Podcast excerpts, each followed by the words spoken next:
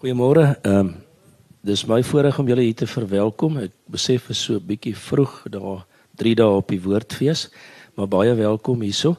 Ehm um, die belangrikste ding wat ek vir julle moet sê is om julle selfone asseblief af te sit. As jou uh, foon gedurende hierdie gesprek gaan lui, gaan jy 'n karakter in een van Chris se volgende boeke wees. Ehm um, ek moet nie regtig die twee persone hier voor voorstel nie, maar ek gaan dit tog doen. Uh, Eintlik kan ek net vir vir uh, vir Chris welkom heet. Ja, dis 'n voorreg dat hy al die pad van Nieu-Seeland hier gekom het om hier te wees. Um, ek dink is 'n voorreg om hom hier in lewende lywe te sien en na hom te luister. Ek het nou al so een of twee van sy goed hier bygewoon en dit baie geniet. Ehm um, die die onbekende faktor eintlik is uh, Jonathan Amit wat hier langs my sit. Ehm um, interessant, hy is in Israel gebore en hy praat voortreffelike Afrikaans. Ek moet nog eendag daai storie by hom hoor. Hy het natuurlik hier op die Universiteit van Stellenbosch studeer. Hy is besig met sy doktorsgraad in misdaadfiksie. En as jy so lid net gevolg het, sal jy sien hy is die skrywer van 'n hele klompie baie baie interessante onderhoude daar op Litnet en nou onlangs ook resensies van misdaadfiksie in koerante so. Ehm um, ek dink ons kan iets interessants verwag in hierdie oggend.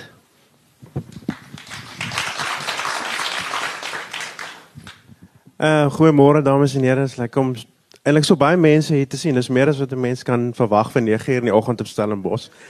Moeilik om by die bed uit te kom. Um dankie dat julle hier is. Dankie ook aan die woordfees en Eerstens baie dankie aan Chris. Ek dink dis 'n besonderse ding om 'n skrywer te hê wat al die pad van Nieu-Seeland af gekom het vir hierdie vir hierdie geleentheid. So ons gee hom nog 'n hande klap. Dat hy behoorlik welkom voel. Chris is goed om jy te hê. Ons het gister 'n bietjie gesels en ek het die ja, die fynere nuances van jou boek 'n bietjie uit jou uitgekry sover as wat 'n mens kan voor 'n mens nou voor gehoor praat. Maar voor ons oor in die Laksman se skoot gesels, uh Vertel ons 'n bietjie van jou jou agtergrond. Jy's natuurlik nie net 'n skrywer nie, jy's ook 'n regskenner. En jy's iemand wat al 'n uh, redelike lang tyd in Nieu-Seeland woon. Jy weet jy het 'n uh, jy het amper iets 'n buitestanders perspektief op uh, die Suid-Afrikaanse samelewing en hoe hy verander het en hoe hy was in die in die apartheidstyd. Vertel ons 'n bietjie meer. Ehm uh, ek het ek is op Rustenburg gebore. Ehm uh, maar ek het eintlik maar daar in die Bosveld teen die Limpopo groot geword waar my familie 'n plaas gehad het. Wat later onteien is om eers 'n dam te bou en toe later 'n deel van Leboa te word. En dit as ek nou dink of waar my hart, waar my siel is, dan sien ek nou die plek daar waar my ma gebore is en waar ek as 'n kind in die bos rondgeloop het. Dis waar ek vandaan kom. Ek het op Potgietersrus skool gegaan. Ek is geloot om militêre diens te doen. Ek het dit 'n jaar in die vloot gedoen. En terwyl ek daar was, het ek so toevallig in die regsberoep ingeval toe ek gesien het iemand studeer deur Unisa. Ek het toe by die departement van justisie aangesluit en op Potch gaan studeer.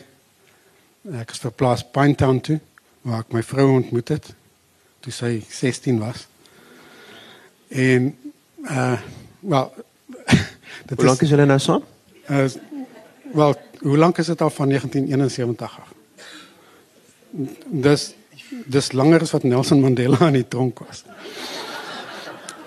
Uh ek noem dit gevangenisstraf met benefits. Maar in elk geval ehm uh, ek het toe later daar uh, prokureur geword. Ek was 'n jaar lank 'n landdros in Viljoenskroon. Uh ek het toe begin praktiseer as advokaat tydens die Soweto onluste in 1976. En ek het daar my oë getuie. Dirk wat hier Dirk de Tooi wat hier agter my vrou sit het jare lank in Durban saam met my gewerk vir my. Hy was by die staatsprokureur destyds. So hy kan getuig dat ek daar gepraktiseer het. Ehm um, ek het in 1991 het ek sy geneem. En ek het so 'n paar keer waargeneem as regter. Ek het ook verder gestudeer. Ek het 'n meestersgraad gedoen in admiraliteitsreg en 'n doktorsgraad in seeversekering wat alles niks beteken nie want ek het dit nog nooit eintlik gebruik nie. Maar jy gebruik dit vir jou boeke. Ja, ek uh, glo soos een Rand het, elke persoon almal hier elke persoon is uniek in in wat in ons gedagte in ons onderbewussyn aan die gang is. Ons is die elkeen die produk van ons ondervindings van kleintyd af tot nou toe. Daarom is elkeen van ons so uniek en verskillend en daarom sien elkeen van ons wanneer ons na dieselfde gebeurtenis kyk, dit uit verskillende oogpunte.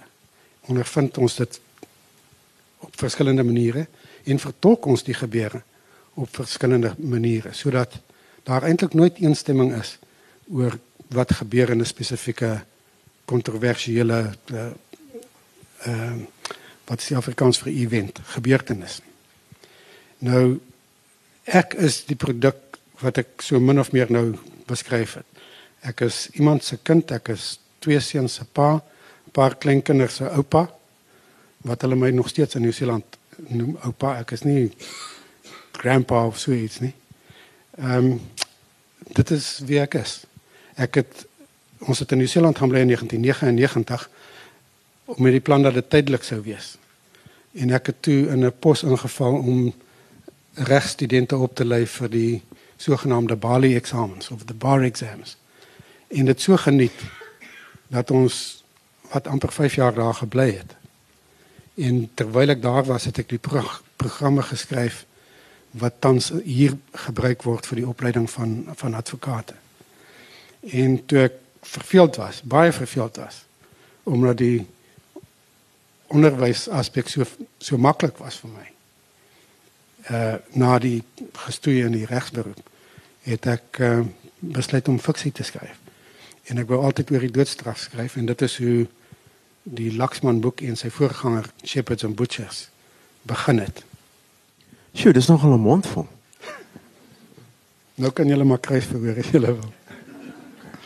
Uh in die Laxman se skoot is natuurlik 'n vertaling van Shepherds and Butchers wat jy self gedoen het.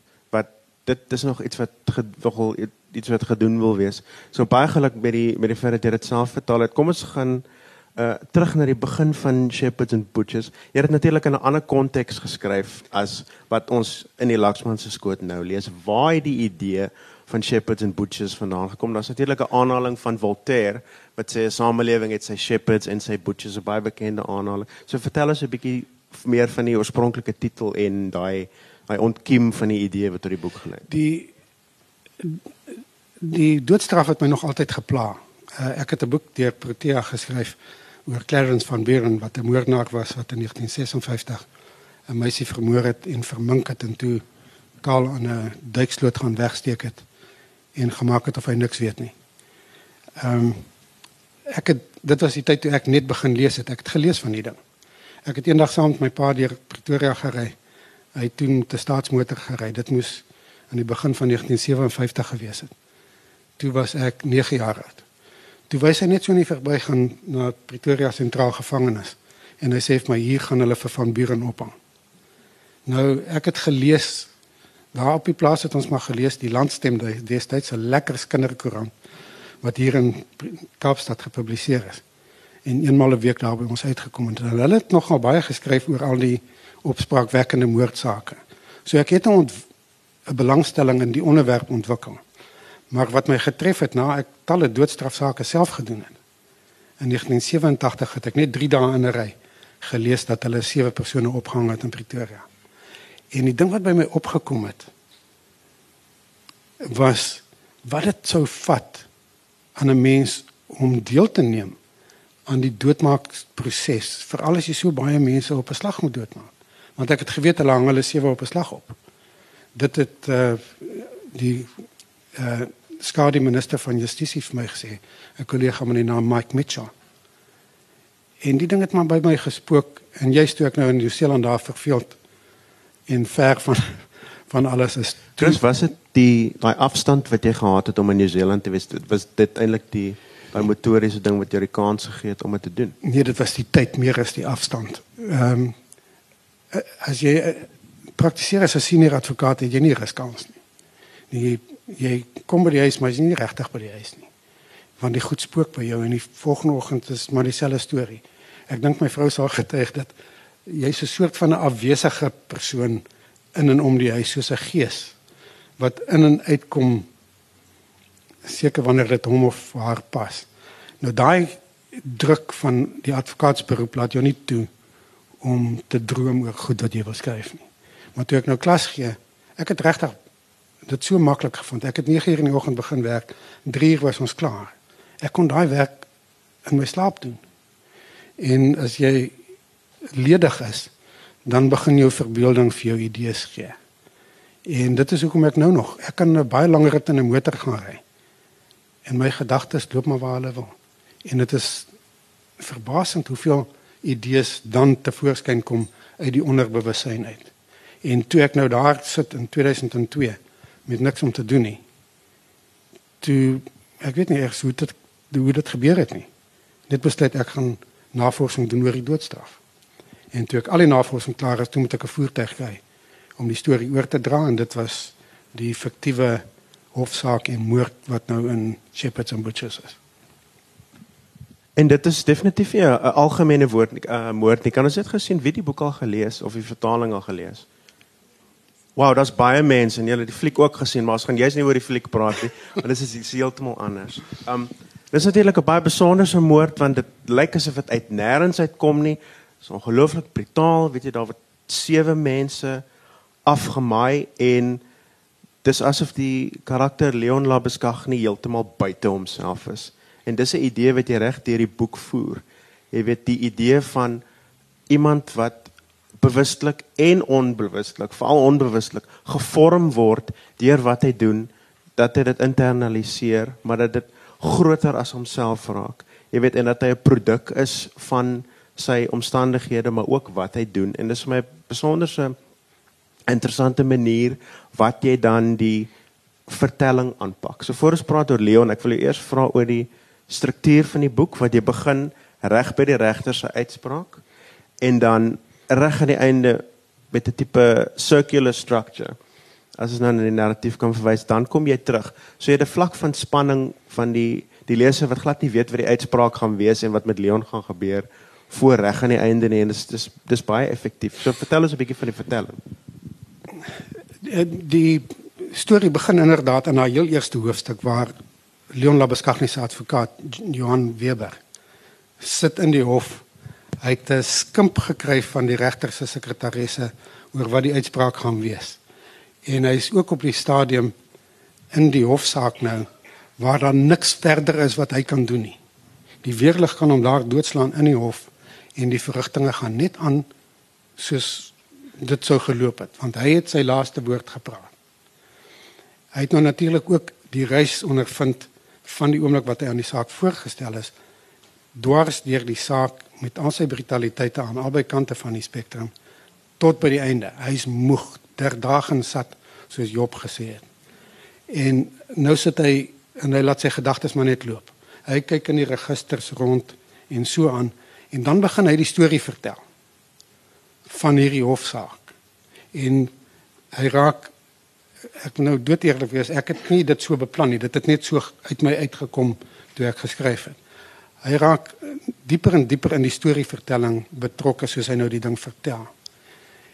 Maar parallel daarmee loop 'n objektiewe beskrywing van die gebeure binne in die dodeselle. Dit word nou so in 'n hoofstuk elke hier en daar verduidelik, die teregstellingsproses. Uh wat gebeur met die bewaarders? Wat gebeur na die teregstelling self? Die behandeling van die lyke, die optredes teenoor die families wat nou kom 'n kerkdiens bywoon daar met die kiste wat vooruitgepak is. Wat die bewaarders wat deelgeneem het aan die oppas van hierdie gevangenes en nou deelgeneem het aan hulle teregstelling en nou langs hulle familie gesit het in die in die kerkie of die kapel. En dan later nou hierdie persone moet gaan begrawe en hulle dood moet registreer. Wat my geplaat van hierdie hele situasie. En onthou, dit is nou in die tydvak wat ons jong mense gestuur het Angola toe om daar te gaan veg. Hoe die hierdie doodmaakproses, die deelname aan die brutaliteit wat oorlog is, die teregstellingsproses en so aan, hoe dit hulle affekteer. En ek het dit probeer vertel deur baie duidelik sonder om die brutaliteit te vermom te vertel wat gebeur werklik in die dodeselle. En wat dit betref het ek 'n uh, informant gehad met die naam van Johan Steinberg. Ek het 3 keer gevlieg van Nieu-Seeland af om hom te kom sien en uit te vra oor wat daar gebeur het. Ek het op een stadium vir hom 'n bandmasjien gegee, 'n klein diktafoon. En ek het hom 72 vrae gevra wat hy geantwoord het. En ek het toe die gebeure binne in die dode selle, maksimum gevangenes soos hulle dit noem, gerekonstrueer aan die hand van die inligting wat hy vir my gegee het. En so hier en daar iets wat ek elders bygekry het. Toe het ek al hierdie inligting gevat en dit binne die bestek van 'n fiktiewe hofsaak geplaas. Want as 'n mens nou gaan 'n referaat skryf oor die doodstraf en die gebeure in die dode selle, dan gaan niemand dit lees nie. Want dit is nou 'n wetenskaplike geskiedkundige dokument. Ja, die die idee is tog om die leser in te trek met iets waarmee hy emosioneel homself kan vereensgewig. Dit het ek gedoen met die hofsaak. Nou is hierdie jong man op verhoor vir sy lewe. Ek het eintlik hom gevat uit sy comfort zone. Wat is dit in Afrikaans? Gemaksone. Sy gemaksone. Jy sien my Afrikaans verwys 'n bietjie daar in Nieu-Seeland, maar in elk geval, ek het hom uit sy gemaksone gevat en hom in 'n hofsaal gesit waar hy nou moet veg vir sy eie lewe. Terwyl hy voorheen geveg het om ander dood te maak, moet hy nou veg om sy eie lewe te red. En ek het sy advokaat gevat uit 'n gemaklike praktyk uit waar hy op 'n Saterdag tennis speel saam met sy vriende en skepsake doen, invoer en uitvoer en versekerings en sulke goed. En ek sit hom in Pretoria, weg van sy familie, weg van sy stad af, in 'n vreemde plek met 'n vreemde saak, vreemde regter, vreemde alles. Uh, en ek maak die twee nou die situasie hanteer so goed as wat ek dit kan verbeel. Want dit is wat skrywers doen. Hulle stel hindernisse op vir die karakters wat die ding al hoe moeiliker maak en al hoe moeiliker maak en dryf na 'n klimakspunt toe waar daar 'n breekpunt is. En dan moet die karakters in daai situasie sink of verdrink. Verdrink of swem. In uh, elke goeie roman, vir alle speurroman of 'n thriller en hierdie boek is in baie opsigte, dit is 'n thriller. Jy weet jy het geen idee waar die storie gaan gaan nie al het jy 'n 'n baie goeie insig in die in die wet en die reg en al die gebeurtenisse rondom die dood. Jy weet hierdie die die pas en die vertelling van die storie gryp 'n mens so aan. Almal wat die boek al gelees het sal ook saam kan stem. Jy weet jy is in 'n wurggreep van hierdie storie en al is dit so moeilik om te lees want dit is dit is brutaal en dit is baie intens en dit is dis 'n 'n gruwel dis 'n 'n gruwel verhaal in baie opsigte. Dit is dis verskriklik erg. Dis amper onmoontlik om te dink dat mense so ander mense kan doodmaak. Dit is dis dis baie skokkend om te lees, maar tog hou mense aan lees en lees en lees en ek wil vir jou sê dit was 'n 'n baie brawe dapper besluit om nie die maklike uitweg te te kies en om vir Leon se eie storie te laat vertel nie. Ek dink dit sou 'n heeltemal 'n ander boek gehad het. Ek dink dit was 'n 'n baie weldeurdagte besluit om die supposed afstand te hê van die prokureur, maar soos wat hy vir Leon leer ken, so word hy ineengestrengel in in sy storie en hy hy leer hom ken, hy leer hom verstaan. Uh, ek ek moet dan wys ek ek ek het nie hierdie slim goed self uitgewerk nie. Ek het 'n moordsaak gedoen as 'n pro bono advokaat in Durban, Dirk sal dit goed onthou. 'n Jong Indiër seun, hy was 18 het sy ma en sy ouma en sy oupa doodgeskiet in hulle huis. En hy is aangekla van moord en hulle kon nie advokaat kry nie want hy het nie geld gehad nie. En ek het op eend moes dit die verhoor doen as 'n pro bono advokaat. Seker 10, 15 jaar nadat ek te vroeër 'n verhoor die moord verhoor gedoen het. So ek het ek het 'n ruskans gehad vir 15 jaar en toe skielik die ding. En in die verrigtinge het die sielkundige wat ons gekry het vir my gesê ek moet hom maak praat. En die enigste plek waar ek hom kon dwing om te praat oor oor wat met hom gebeur het. Wat hom tot sy breekpunt gedryf het. Die enigste plek waar ek hom kon maak praat was toe hy in die getuiebank staan. En ek vir hom kon vra vra en hy het nie keuse gehad en hy moes antwoord. En sy het ook vir my gesê die dame, jy moet hom breek. Jy moet hom maak breek daar in die getuiebank. Hy moet ineenstort. Eers dan sal hy kan praat. En ek het dit gedoen. dit was dit was een van daai oomblikke in 'n hof waar almal bewoog geraak het tot die polisiemanne wat hom aangekla het. Omdat en, en maar ek het ek moes dit op 'n brutale manier doen. Ek moes hom sielkundig tuister totdat hy geknak het. Nou ek het daai ondervinding gebruik in Shepherds and Butchers. Want so weer eens, 'n mens kan nie skryf oor iets wat jy nie self weet of ondervind het nie. En daai kennis kom juis van daai sielkundige af. Haar naam is uh, Teresa Brown. Ons het my nou eendag geskakel uit die blote uit, maar dis waar daai idee vandaan gekom het. Vertel ons 'n bietjie van jou van jou hoofkarakter. Hy's hy's 19 jaar oud wanneer hy hierdie misdaad pleeg, maar dit is nie wanneer sy storie in die gevangenis begin nie. Nee. Ehm uh, die die persoon op wie daai karakter gebaseer is. Sy naam is Johan Steinberg. Hy het vir die waarheidskommissie getuienis gegee oor wat daar gebeur het. Ek het hom opgespoor het hom gaan gesels en wat hy vir my gesê het is letterlik dit. Hy was die eerste span rugby speler by sy skool in Pretoria. Prefek, hy was 'n sonnaarskoolonderwyser. Uh hy het baie goeie rugby gespeel as 'n voorryman. Ek dink hy was 'n haker geweest. Toe kom die gevangenisdiens se mense wat uh, nou in die liga betrokke is met die rugby liga daar in Pretoria. En hulle sê vir hom kom werk vir ons dan hoef jy nie in Angola op die grens te gaan veg nie. En dis om nou 'n keuse, né? Ja, toe moet hy nou kies. En hy dink toe dit is nie so sleg nie. Ek meen Naas Botha het by die polisie aangesluit vir dieselfde rede. Toe besluit hy by die gevangenisdienste aan die begin van daardie jaar 1987. Toe sy nog nie 18 jaar oud nie. Toe het hy vir 3 maande opleiding by Kroonstad. Dit moes 6 maande gewees het, maar toe hulle kort van personeel toe stuur hulle al die ouens sonder dat hulle die opleiding voltooi het uit na die verskillende gevangenisse toe. Hy land toe in sentraal in Pretoria. Maar een aand in die rugby seisoen toe raak hy aan die slaap op die stoel waar hy nou moet sit en wag 'n offisier in privaat klere kom aangeloop en klap hom bo van die stoel af. Hy spring toe op en hy slaan die die die, uh, offisier katswink.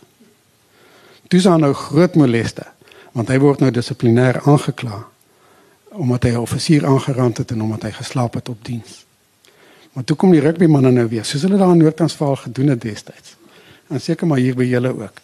Hulle kom toe nou, hulle sê nee man, ons kan nie hierdie ou afdank nie. Hy speel sulke goeie rugby vir ons. En toe maak hulle 'n vergelyk sonder om hom nou te ken in die storie. Die offisier sal die klagte laat vaar en dan sal hulle nou vir Steenberg oorplaas na 'n ander gevangenis Maar die naaste een wat daar toe nou is om hom in hulle rugbyspan te hou. Is toe nou maksimum sekuriteit gevangenes waar die dodeselle is. En toe loop hy daarin. Ek dink die datum is in my boek so iets soos die 27ste Junie van 1987. En daai eerste dag sê die offisier in, bev in bevel van die teregstellings kies een van die sewe wat nou daar in die selle sit wat die volgende dag afgehang moet word. En die volgende oggend toe staan hy langs daai man op die reëling met net die reëling tussen hom en die persoon wat opgehang moet word. Nou toe hy dit vir my vertel destyds toe ek nou die navorsing doen. Toe besef ek die brutaliteit nie net van die teregstellingsproses nie. Dit is erg. Maar wat vir my erger was, was die behandeling van die bewaarders wat nie wetlik of moreel moes deelneem aan die teregstellings nie. Ek moet dit baie vinnig verduidelik. Die wanneer hof 'n bevel uitreik en Dirk sal dit beamoen, dan val die plig om daai hofbevel uit te voer op die departement van justisie se beamptes.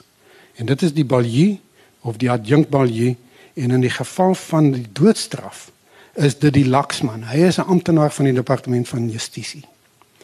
Maar die gevangenisdiens moet nou daai persoon wat ter dood veroordeel is aan die lewe hou en versorg tot die oomblik wanneer die laksman gereed is om die teregstelling te doen.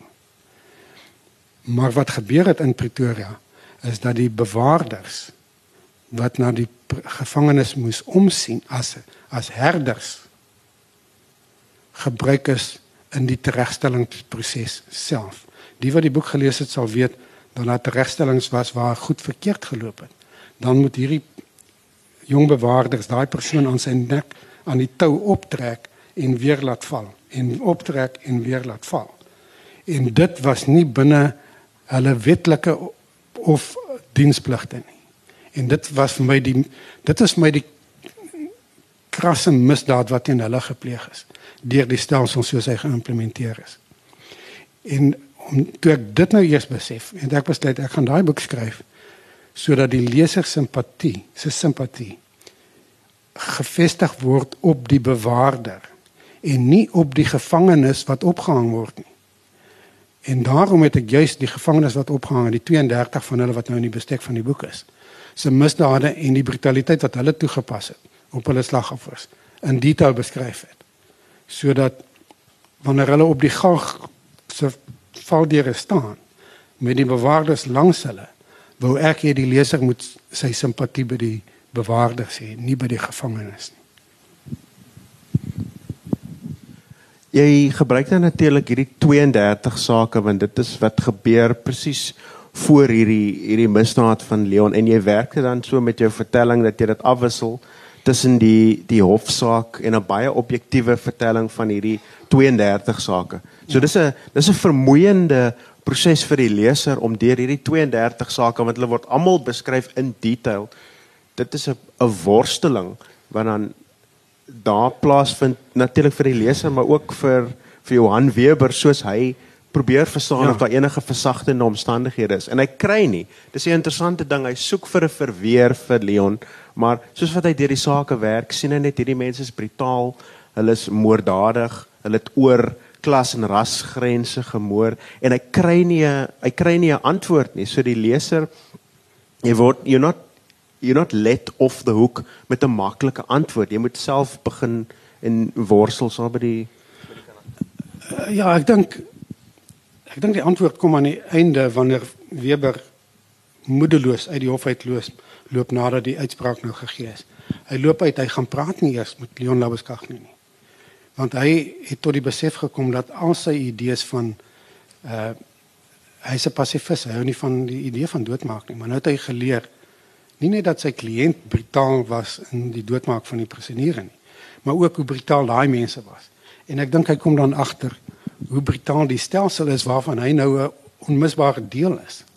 Want die advokaat wat deelneem as verdedigingsadvokaat in 'n doodstrafsaak, hy is deel van die staatse masjinerie van doodmaak. Onwetend, maar hy is deel van daai masjinerie. En hy sit vasgevang daar. Net so hopeloos as Leon Labeskagni wat in die bestek van sy werk nou hierdie goed moet doen. Staan daai advokaat daar en hy moet hierdie daai werk doen.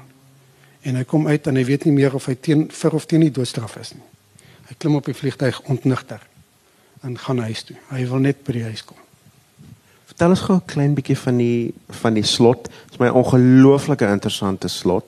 Uh jy vat natuurlik vir Johan, hy gaan na 'n baie spesifieke plek toe en hy lees 'n paar goed. Wat wat gebeur dan?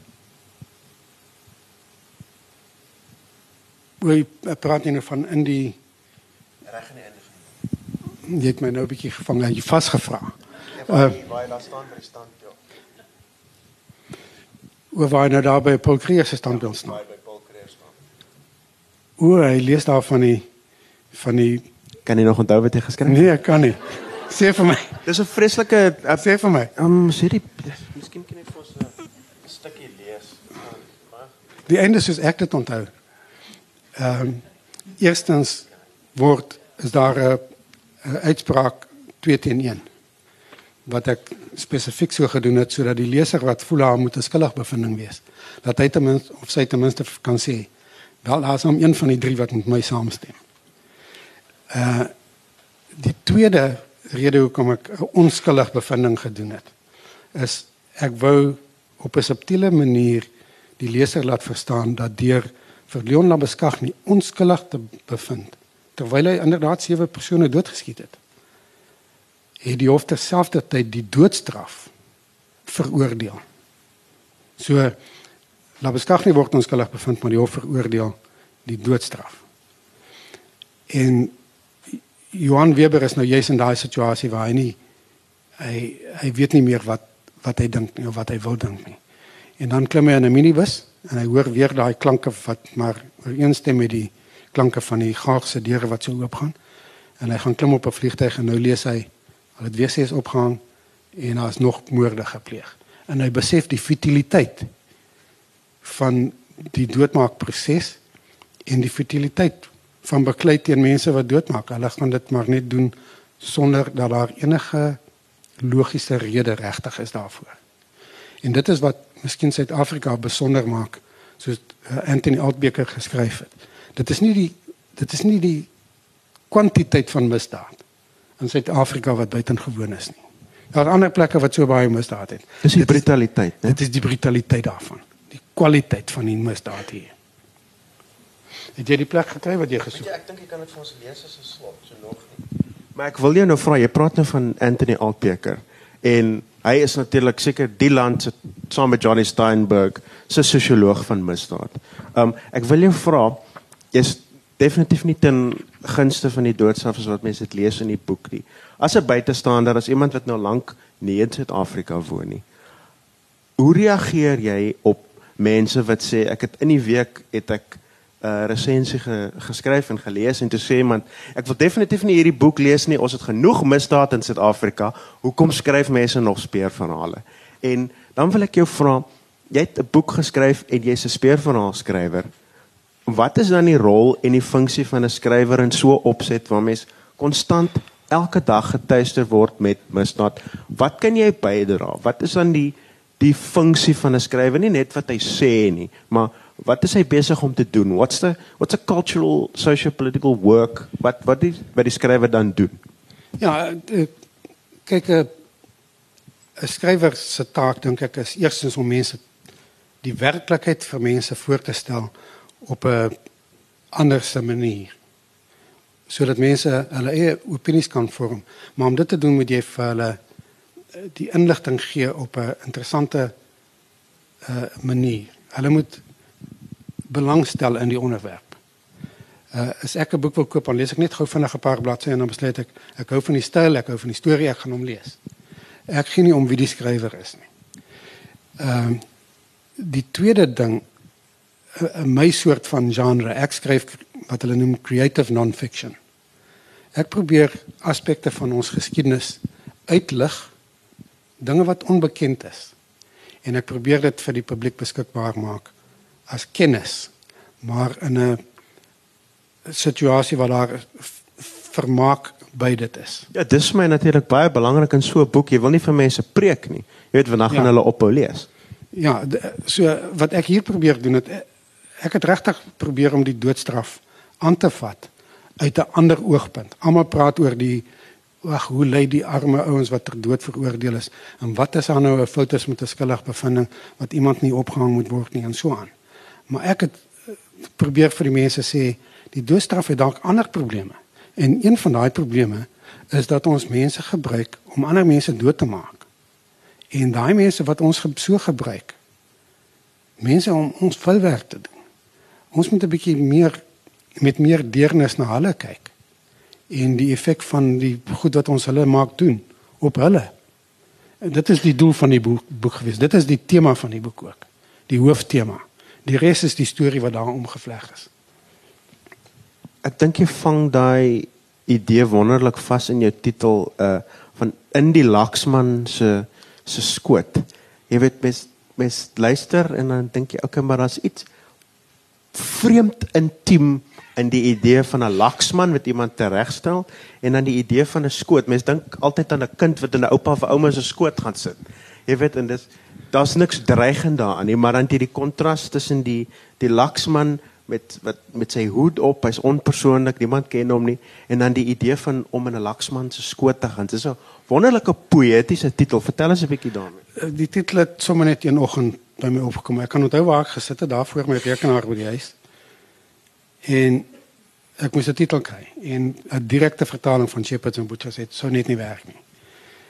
En soos ek sê, die ding het net uit my onderbewussteinheid opgestaan. En toe ek nou later aan nou begin dit probeer rasionaliseer, toe dink ek so daaraan. Die die doodstrafstelsel sien ek as die laksman, die geheel van die stelsel. Nie net die man wat die tou om die kerel se nek sit en die leefboom trek nie. Dit is die hele stelsel. Dit is die laksman. En in die laksman se skoot sit almal wat nou deelnemers is aan die proses, gewillig of onwillig, selfs die veroordeeldes. Hulle is binne die laksman se bereik, binne sy arms. Maar soos ek dit stel, juist as die stelsel eerder as die persoon. En dan is daar natuurlik die nouer verband van die laksman die beul soos hulle dit ook noem die, executioner wat wat nou hierdie span het wat hom moet help. En hulle is in sy skoot as sy beskermlinge. En hy het nie na hulle gekyk nie. Dit is waar Leon Labeskagni mishandel is deur die stelsel beide deur die stelsel in sy geheel en in die kleine deur die laksman self wat hom gebruik het om die afmetings te doen wat weer nie sy werk was nie. 'n Band om die man se nek te sit en te meet hoe groot sy nek is om hom te weeg om moet 'n maatband hier agter by sy nek op te meet tot hier agter sy oor waar die tou hom nou moet seermaak. Daai werk het Leon Labeskag nie gedoen. Johan Steinberg. Dit was die laksman se werk. Nou dit is 'n hierdie bestek wat ek op hierdie titel maar so toevallig afgekom het. Ja, dis dis 'n absolute wonderlike titel en 'n baie interessante verduideliking. Uh iemand waaroor ons nog nie gepraat het nie en natuurlik uh so wat hulle noem 'n recurring character in jou jou fiksie is die karakter van Pierre de Villiers. En Pierre de Villiers is baie interessant want hy is natuurlik 'n tipe teenpool, teenvoeter vir die uh figuur van die prokureur Johan want hy is 'n uh, ou wat in Angola gaan veg het en hy het natuurlik met 'n ander tipe onreg te doen. So jy weeg die twee tipes onreg van die wet en die oorlog weeg jy natuurlik op 'n baie subtiele manier uh teen mekaar af. Vertel ons 'n bietjie meer van Pierre de Villiers. Eh, ek kan nie onthou hoe ek aan die karakter gekom nie, maar jy weet eh, as 'n prokureur of advokaat voorberei vir 'n groot saak, 'n moeilike saak, dan gaan doen hulle navorsing. En ons gaan leer oor goed wat ons nooit voorheen geweet het nie. Jy gaan leer oor hoe brûe gebou word en hoekom 'n toring in mekaar sak, hoekom treine van spore afloop, hoekom liggaamsdele kankers ontwikkel, hoe operasies verkeerd loop en so aan. En toe ek nou hierdie Johan Weber, die advokaat nou in hierdie situasie plaas waar hy moet voorberei vir hierdie saak. Toe dink ek nou waar sal so ou gaan uitvind wat dit aan iemand vat wat professioneel ander mense moet doodmaak. En die enigste persoon wat ek toe aan kan dink wat hy vir hom nou bereikbaar sou wees, sou 'n soldaat wees, iemand wat in Angola geveg het. Nou die toevalligheid en ek glo dat toevallighede hulle self voordoen wanneer jy hulle die meeste nodig het. Terwyl ek nou daaroor gedink het, toe kom ek 'n Suid-Afrikaner wat inderdaad in Angola geveg het. Daar by ons huis aan in in Auckland. Sy naam is Eben Kitching. Hy was 'n prokureur op Uitenhage gewees. En hy wys my hier tot hom dwars deur sy maar meer geskiet. En daar's nou nog 'n gat in die been en dit skiet rond hier bo. En hy vertel my nou toe so 'n bietjie van die van die oorlog. Ek het nie vir hom gevra hoe dit gevoel om mense dood te maak nie. Maar hy gee my toe die idee dat ek so 'n soldaat kan gebruik as 'n as 'n klankbord vir Johan Weber. Hy gaan nou vir die ou sê, kyk, jy het nou daar beklei en so aan. Vertel my 'n bietjie hoe voel dit om iemand dood te maak? Maar jy kan dit natuurlik nooit nie in die werklike lewe of in fiksie so direk aan die man stel nie. So ek maak hulle toe maar familie. So die kerel is nou getroud met Weber se suster. En hy teruggekom van die oorlog of hy so half gebroke. Hy wil nie praat oor wat daar gebeur nie. En nou moet Weber maar soos advokate doen op 'n subtiele manier uit hom uittrek wat daar gebeur het. En op die ou end sê die man vir hom: "Daar in die oorlogssituasie skiet jy nie na persone nie. Jy skiet na uniforms." En toe en dit is inderdaad wat 'n soldaat erns geskryf het om om hulle werk te, ver, te regverdig. Daai gedagte draai toe nou weer soos 'n spiraal na 'n ander kant toe. Die ding van die uniforms tref my toe dadelik. Wat kan ek gebruik in die fiktiewe deel van die boek? Wat kom uit die uniforms wat die gevangenes dra?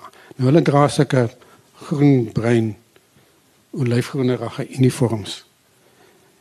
Maar daar word 'n wit mis oor hulle koppe gesit. Net voor hulle die tou om hulle nekke gaan. En toe dink ek nou ek het nou hierdie fiktiewe toneel waar waar Leon Labeskagh nie sewe ouens moet doodskiet.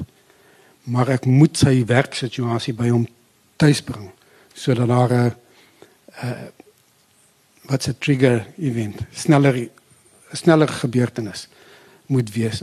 Toe besluit ek op 'n karate klub wat almal dieselfde uniforms aan het en hulle het hierdie sweetbande Ja, wat die hulle kopbande. Ja, hulle het nou die sweetbande gesien wat hulle in die karakter van Karate Kid gesien het. En hoe dit nou 'n visuele impak maak op Leon Labeskagh in daai situasie waar hulle so uitpeel uit die minibus wat nou die klanke het. Ja, want hulle voor hy hulle natuurlik skiet is dis 'n baie stormagtige dag en dit reën en dis donderweer en hulle hulle jaag mekaar eers vir 'n goeie klomp Ja. myl. Jy weet dis daar's 'n opbou tot hierdie situasie. Ja, en dan wanneer hulle daar stil staan langs mekaar. Nou hy het nou 'n traumatiese dag al beleef. Vir die wat die boek gelees het, nou sal dit natuurlik weet. En nou gaan daai minibus se deure oop. En die klank van die minibus se deure is inderdaad presies dieselfde as die gag se se klanke. Daar's 'n klang en dan skuif geluid en dan weer 'n klap teen die ander kant. En dis presies wat met die gagdeure gebeur. So ek het dit toe gebeur met die visuele wit sweetbande wat lê het en almal wat so uitpeel soos die lyk nou so of die persone sal val deur die gagdeure om daai impak op hom te maak sodat ek oortuigend hom kan maak heeltemal knak en hulle dan almal doodskiet. En dis dan natuurlik baie belangrik vir die regter om dit ook te sien aan die einde van die Ja, uh, die uh, ek, ek moet weer eens sê ek weet nie waar daai minibus idee by my gekom nie. Ek dink ek het vir Johan Steinberg gevra om vir my te verduidelik wat se klanke is daar. Wat se reuke is daar? Wat die kleure en alles? En ek dink hy het vir my gesê daar's drie klanke. Daar's die klank van wanneer die meganisme, die staalmeganisme uitskuif en die deure oopgaan. En dan staan die geluid van hy het gesê lig wat verplaas van die onderste vertrek af in die boonste een af. En persone wat afval deur daai opborrelende lig wat nou van onder af boontoe kom. En dan klap daai vlaaldeure teen goed wat hulle stoppers noem. Dik sakke wat moet strooi gevul is om die klank te verdoof. Maar dit nogtans nie heeltemal suksesvol doen nie want daai hele gebou is met tungstenstaal versterk binne die beton en dit is soos soos een ge, een eenheid. En as jy hier teen die muur hard klap met 'n hamer, dan hoor hulle dit in hulle voel dit aan die ander kant van die gebou. Sodat elke teregstelling skud elkeen van die 280 wat sit en wag. So daar's geen manier al is jy waar ook al jy kan nie hiervan ontsnap nie. Nee. Jy's saam met daai mense elke dood Ja. is jy is basies deel van jou is 'n Ja, absoluut. Absoluut. Hulle word uitgetrek uit die algemene selle uit na die pot toe wat maar net nog een van die rye van algemene selle is. En almal sing, hulle weet 'n week voor die tyd van die teregstelling. En dan hulle hoor alles. Dis die wreedheid van daai proses. Jy hoor alles. En dan hoor jy die klap van die valdeure teen die gebou, jy voel die trillings. Uh, iemand het vir my vertroulik vertel van 'n terroris wat baie mense doodgemaak het. Wat die doodstraf gekry het wat hulle baie moeilikheid gegee het. En hulle het vir hom gesê hulle gaan hom ophang. Toe maak hulle hom staan teen die gebou met sy hande so teen die teen die teen die muur. En toe daai valdeure afgaan. Toe raak hy hysteries. En hulle het vir my gesê hy het hulle nooit weer moeilikheid gegee nie. Dit is off the record. Ek dink ons kan die absolute stilte van die gehoor vat as hy feit dat hulle vasgenaal is met wat jy ons nou net vertel het.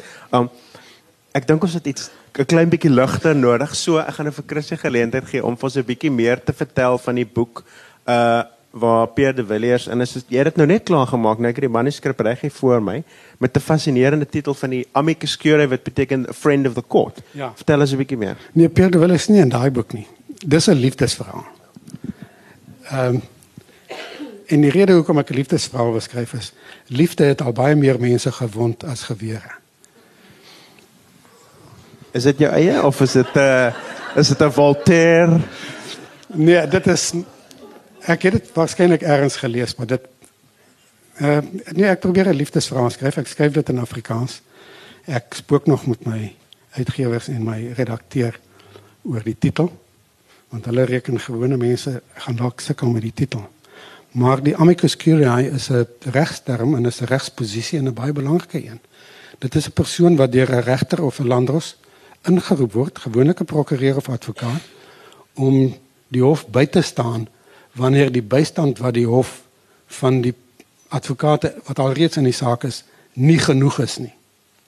'n Regter wil dalk 'n onpartydige advokaat hê om die saak te ondersoek en voorleggings te maak. So dit is 'n dit is 'n belangrike instelling.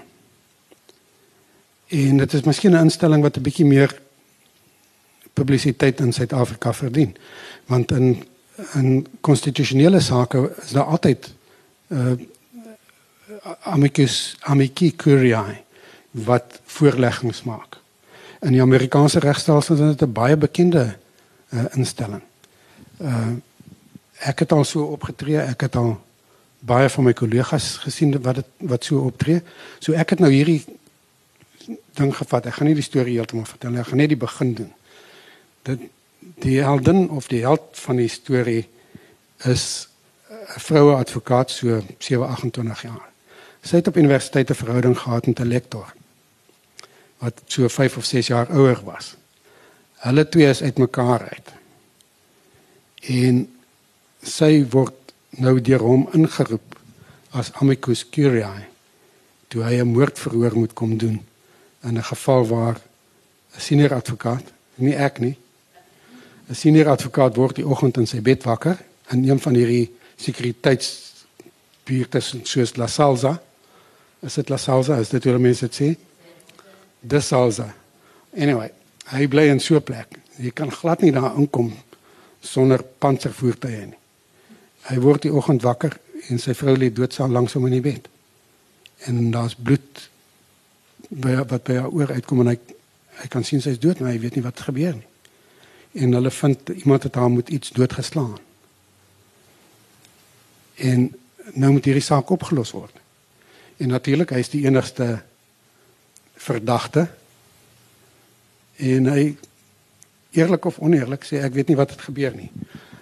En nou wil hy homself ook nie verweer nie, nou roep die of die amicus curiae in om die saak onafhanklik van die polisie te ondersoek om te kyk of daar nie iets anders aan die gang is nie.